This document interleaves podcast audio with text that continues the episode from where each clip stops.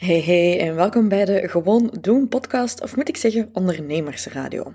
Als ondernemer is het leven niet altijd gemakkelijk en soms heb je gewoon net die extra boost, energie, motivatie en actie nodig. Dus dat heb ik gedaan aan de hand van de Gewoon Doen podcast. En hier zal je dus korte clips vinden van belangrijke dingen uit coachingsessies, interviews met coaches, andere ondernemers. Het is mijn doel hier dat je kunt gaan, ja, gewoon elke dag één stapje verder gaan, want het gaat niet over perfecte actie nemen of wachten op de juiste timing. Het gaat over elke dag gewoon te doen en één stapje dichter te nemen naar onze ideale toekomst. Veel luisterplezier en uh, ja, see you in the next second.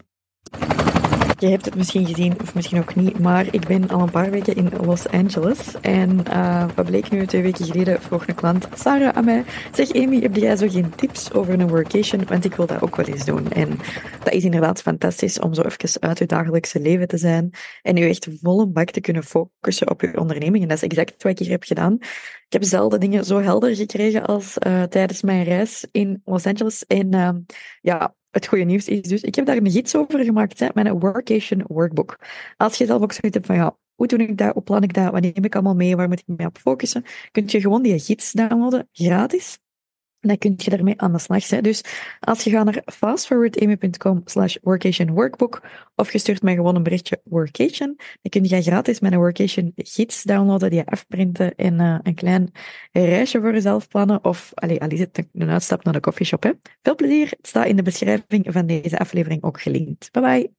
Dan is er nog een andere, en dat is onder andere dat je ook je omgeving er even bij moet gaan betrekken. Als ik bijvoorbeeld iets wil doen. Ik heb dat bijvoorbeeld gehad, ik ben dinsdag gaan lunchen met Sandy. En toen om 12 uur heb ik gezegd: Zeg Sandy, wacht, ik moet even iets doen, want mijn gsm ging af met een wekker. En dat was dat ik iets moest posten. Want een van mijn doelen is wel nieuw publiek aantrekken. Dus bij mij growth content maken voor nieuwe mensen is wel belangrijk.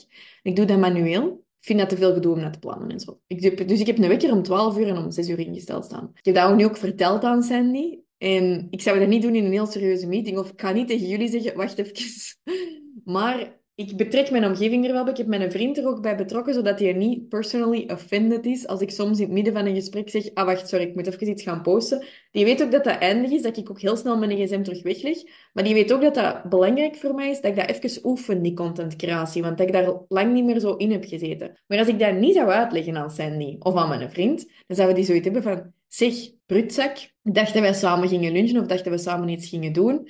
Nee, maar nu zal zij niet zeggen, ah, zal ik u even filmen terwijl dat je hier zit, bij wijze van spreken. Want die weet dan, kan ik u ermee in ondersteunen. Hetzelfde met stoppen met alcohol drinken. Ik heb dat verteld aan mijn vrienden. Mijn vrienden voorzien dat niet non-alcoholisch. Maar als ik dat niet zou vertellen, waarom? Zouden die zeggen van, wat? En ik zeg, ja, ik voel me er mentaal niet zo goed bij. Ik word daardoor zo echt iemand dat zich heel veel zorgen maakt en zo. Dan zijn die zo, ah, dan kunnen we er misschien in ondersteunen eigenlijk. En dan gaan ze mij helpen om niet te drinken in plaats van wel te drinken. Je omgeving betrekken in je doelen is iets dat heel veel mensen niet doen. En dat is vaak omdat je de why niet uitlegt. En dat is, heel veel mensen hier hebben niet gezegd over geld.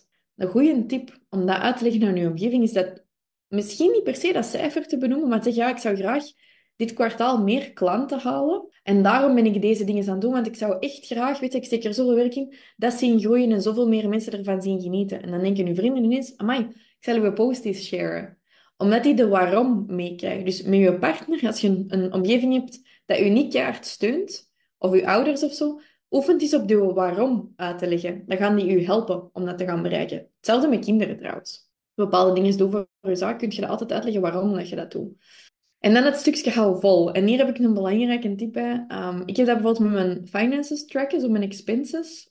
En ik heb zo, soms heb ik dan zo een periode dat ik dat doe en dan valt dat weg. En dan denk ik zo, oh ja, maar nu moet ik eerst nog al die bonnetjes gaan verwerken. Ik heb het niet over business-wise. Business-wise moet je dat doen. Maar zo je privé-uitgaven. En dan denk je, ja, maar ik moet dat eerst nog allemaal gaan invullen van vorige week. En dan zal ik die uitgaven van vandaag van de boodschappen wel opschrijven. Laat dat gewoon los.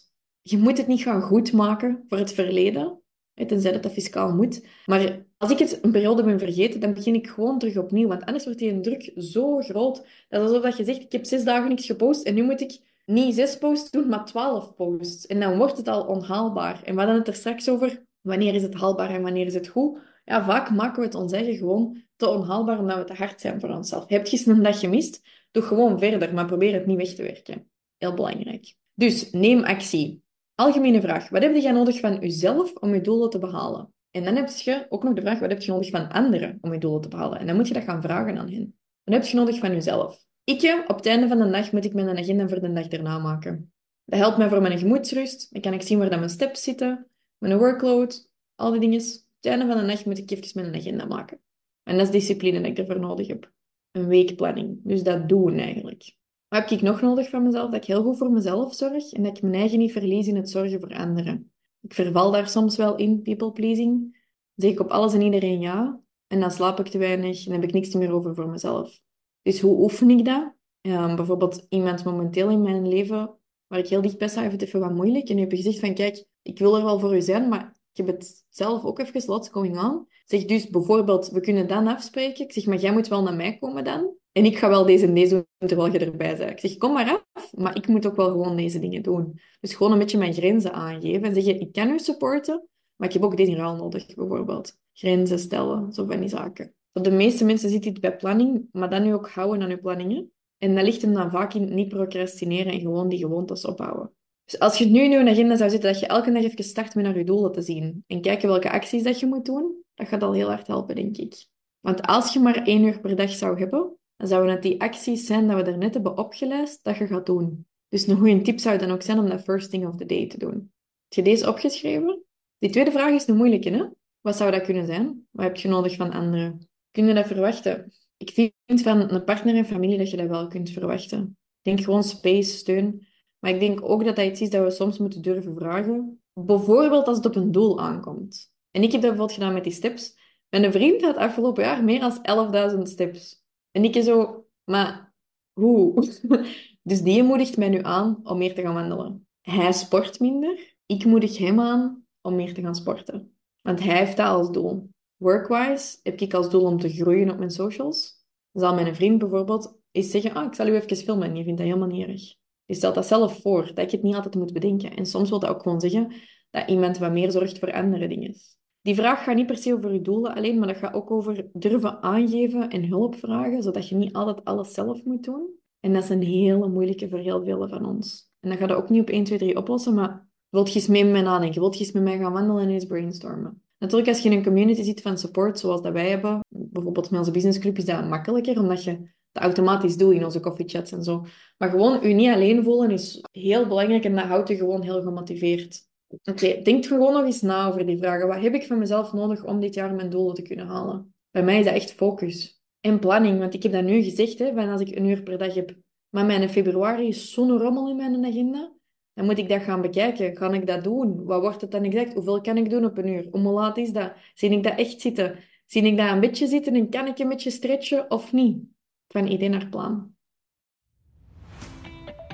Mensen zeggen wel eens: geld maakt niet gelukkig. Maar wat dan met een te weinig aan geld? Ik geloof wel dat geld niet per se gelukkig maakt, daar zet je zelf verantwoordelijk voor. Maar een te weinig aan geld geeft u wel slapeloze nachten, enorm veel stress en vooral frustraties en energielekken.